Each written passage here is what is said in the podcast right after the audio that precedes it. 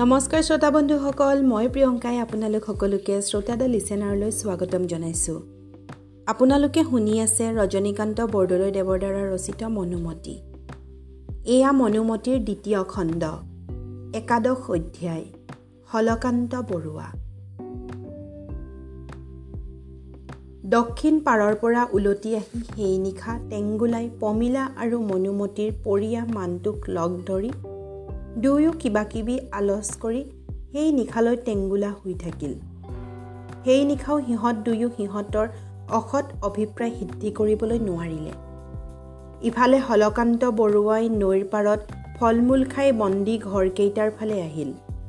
তেওঁ পোনেও চণ্ডী বৰুৱা থকা ঘৰটোলৈ আহিল। তাত আহি তেওঁ দেখিলে চণ্ডী বৰুৱা আছে। সেই ঘৰত নোসোমাই তেওঁ শান্তিৰাম ভকত থকা ঘৰটোলৈ আহিল। তাত দেখিলে ঘৰটো উদং। হলকান্ত বৰুৱাই পেটে পেটে সেই ঘৰতে থাকিবলৈ আলচ কৰিলে। কিন্তু ঘৰটোৰ ভিতৰত সোমোৱাৰ আগেয়ে আৰু সিটো অৰ্থাৎ তৃতীয় ঘৰটোতনো কি আছে এইটো তেওঁৰ চাবলৈ ইচ্ছা হ'ল। তেওঁ পৰিয়া মানটোক লগত লৈ সেইটো ঘৰলৈ আহিল। তাত আহি ভুমুকি মাৰি চাই দেখিলে যে ঘৰটোৰ ভিতৰত এজন বন্দী আছে। সেই বন্দীটোনো কোন তেওঁৰ জানিবৰ মন ইচ্ছা হ'ল। তেওঁৰ লগৰ মানটোক ক'লে তই ইয়াতে ৰবি মই ঘৰটো চাই লওঁ এই বুলি তেওঁ ঘৰটোৰ ভিতৰত সোমাল। তাত সোমাই দেখে যে তেওঁৰ পুতেক লক্ষ্মীকান্ত। তেওঁ বৰ আচৰিত হ'ল। লক্ষ্মীকান্তও বৰ আচৰিত হ'ল। তাৰ পাছত তেওঁ অলপ তম্ভি পুতেকক গৈ পোনেই আঁকোৱালি ধৰি সুধিলে বাপা তই ইয়াত কেনেকৈ সোমালিহি? লক্ষ্মীকান্তই ক'লে দেউতা মই আপুনি যোৱাৰ তিনিদিনৰ দিনা ভাটিবেলিয়া আমাৰ সৈন্য সামন্ত গোটাবলৈ গাঁৱলৈ গৈছিলোঁ আৰু পাৰিলে সৰহকৈ কেতখিনি সৈন্য গোটাবৰ অভিপ্ৰায়েৰে বৰনগৰলৈ গৈছিলোঁ। তাত সৈন্য গোটাবলৈ কাৰোবাৰ কৰোঁতে নিশা হ'ল। ঘৰলৈ উলটি আহিব নোৱাৰিলোঁ। তাৰ পাছত সেই নিশাই মানহঁত আহি বৰনগৰ পাই চণ্ডী বৰুৱাৰ গড় আক্ৰমণ কৰি সকলোকে ধৰি আনিছে। হলকান্ত নিধাটো খাই। বাচা মাৰ ভনীয়েৰ ক'ত? লক্ষ্মীকান্ত। ক'ব নোৱাৰোঁ। লক্ষ্মীকান্তৰ এই কথা শুনি হলকান্ত মূৰ্ছিত হৈ পৰিল। তেওঁ কেতিয়াও নেভাবিছিল যে বৰনগৰীয়া বৰুৱাৰ অনিষ্ট কৰিবলৈ যাওঁতে তেওঁৰ নিজৰো এনেকুৱা বিলাই হ'ব। তেওঁ নেজানিছিল যে বৰনগৰীয়া বৰুৱালৈ চচা শোলতে তেওঁ ফুটি মৰিব। লক্ষ্মীকান্তই বাপেকক মূৰ্ছিত হৈ পৰা দেখি একে চাবে উঠি আহিব ধৰিলে। আজি বাৰ তেৰ দিন তেওঁ অনাহাৰ গা থৰক বৰক। তথাপি বাপেকক আহি ধৰি তালুত ফুলাবলৈ ধৰিলে আৰু দেউতা দেউতা বুলি কাণৰ কাষত মাতিবলৈ ধৰিলে। ভালেমান পৰ এইদৰে অচেতন হৈ থাকি শেষত হলকান্ত থিৰ হ'ল।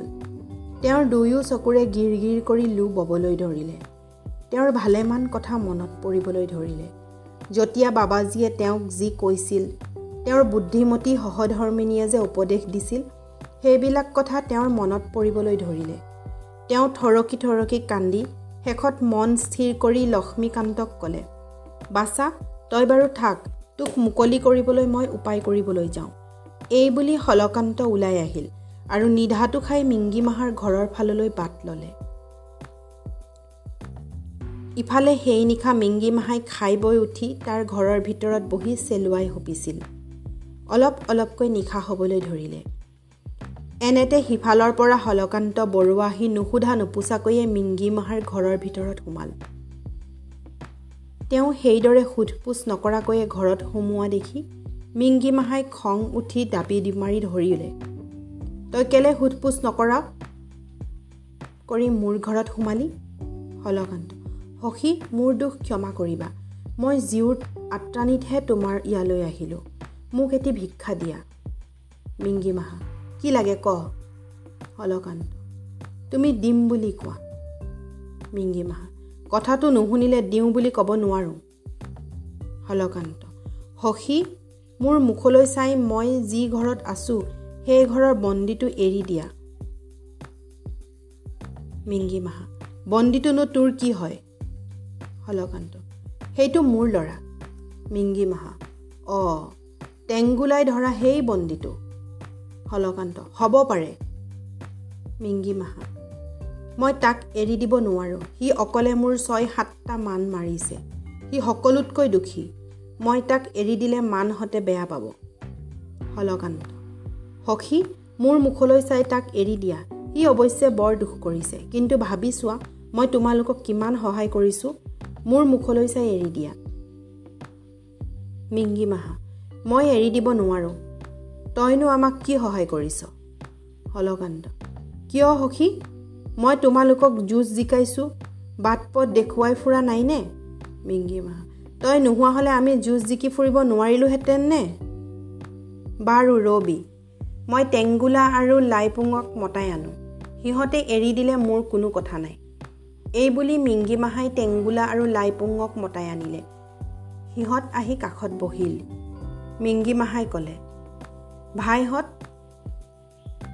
ই মোৰ এটা বন্দী এৰি দিবলৈ কৈছে টেংগুলাই সুধিলে কোনটো বন্দীক মিংগী মাহা তই যিটোক গাভৰুজনীৰ সৈতে ধৰিছিলি টেংগুলা সেনাপতি মই সেই বন্দীটোক এৰি দিবলৈ ক'ব নোৱাৰোঁ। সি মোৰ ছয়টা মান মাৰিছে। তাক জীয়াই জীয়াই পুৰি মাৰিম বুলি থৈছোঁ। মই হ'লে তাক কেতিয়াও এৰি নিদিওঁ। লাইপুঙে ক'লে এৰা সেনাপতি সি আমাৰ প্ৰধান শত্ৰু। আমাৰ শত্ৰুক কেতিয়াও এৰিব নালাগে।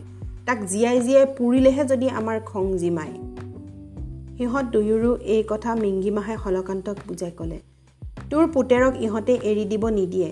মই এৰি দিব নোৱাৰোঁ। হলকান্ত সেনাপতি মই তোমাৰ মিতিৰ হৈছিলোঁ।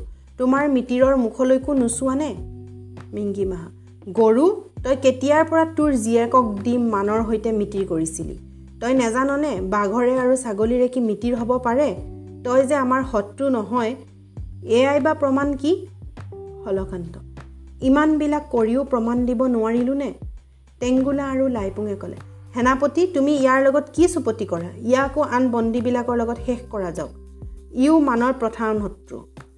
এই বুলিয়ে সিহঁতে চাৰিটা মানক মাতি দিলে। মানহঁত আহিল।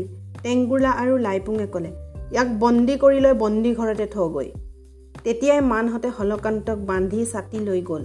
হলকান্ত বাটে বাটে চিঞৰিবলৈ ধৰিলে হাই মিংগী মাহা তই মোক ইয়াকে কৰিলি। তোৰ মিতিৰ হোৱাৰ মোক ভাল বেজ দিলি। আকাশত চন্দ্ৰ সূৰ্য থাকে মানে তোৰ কলংক ৰ'ল।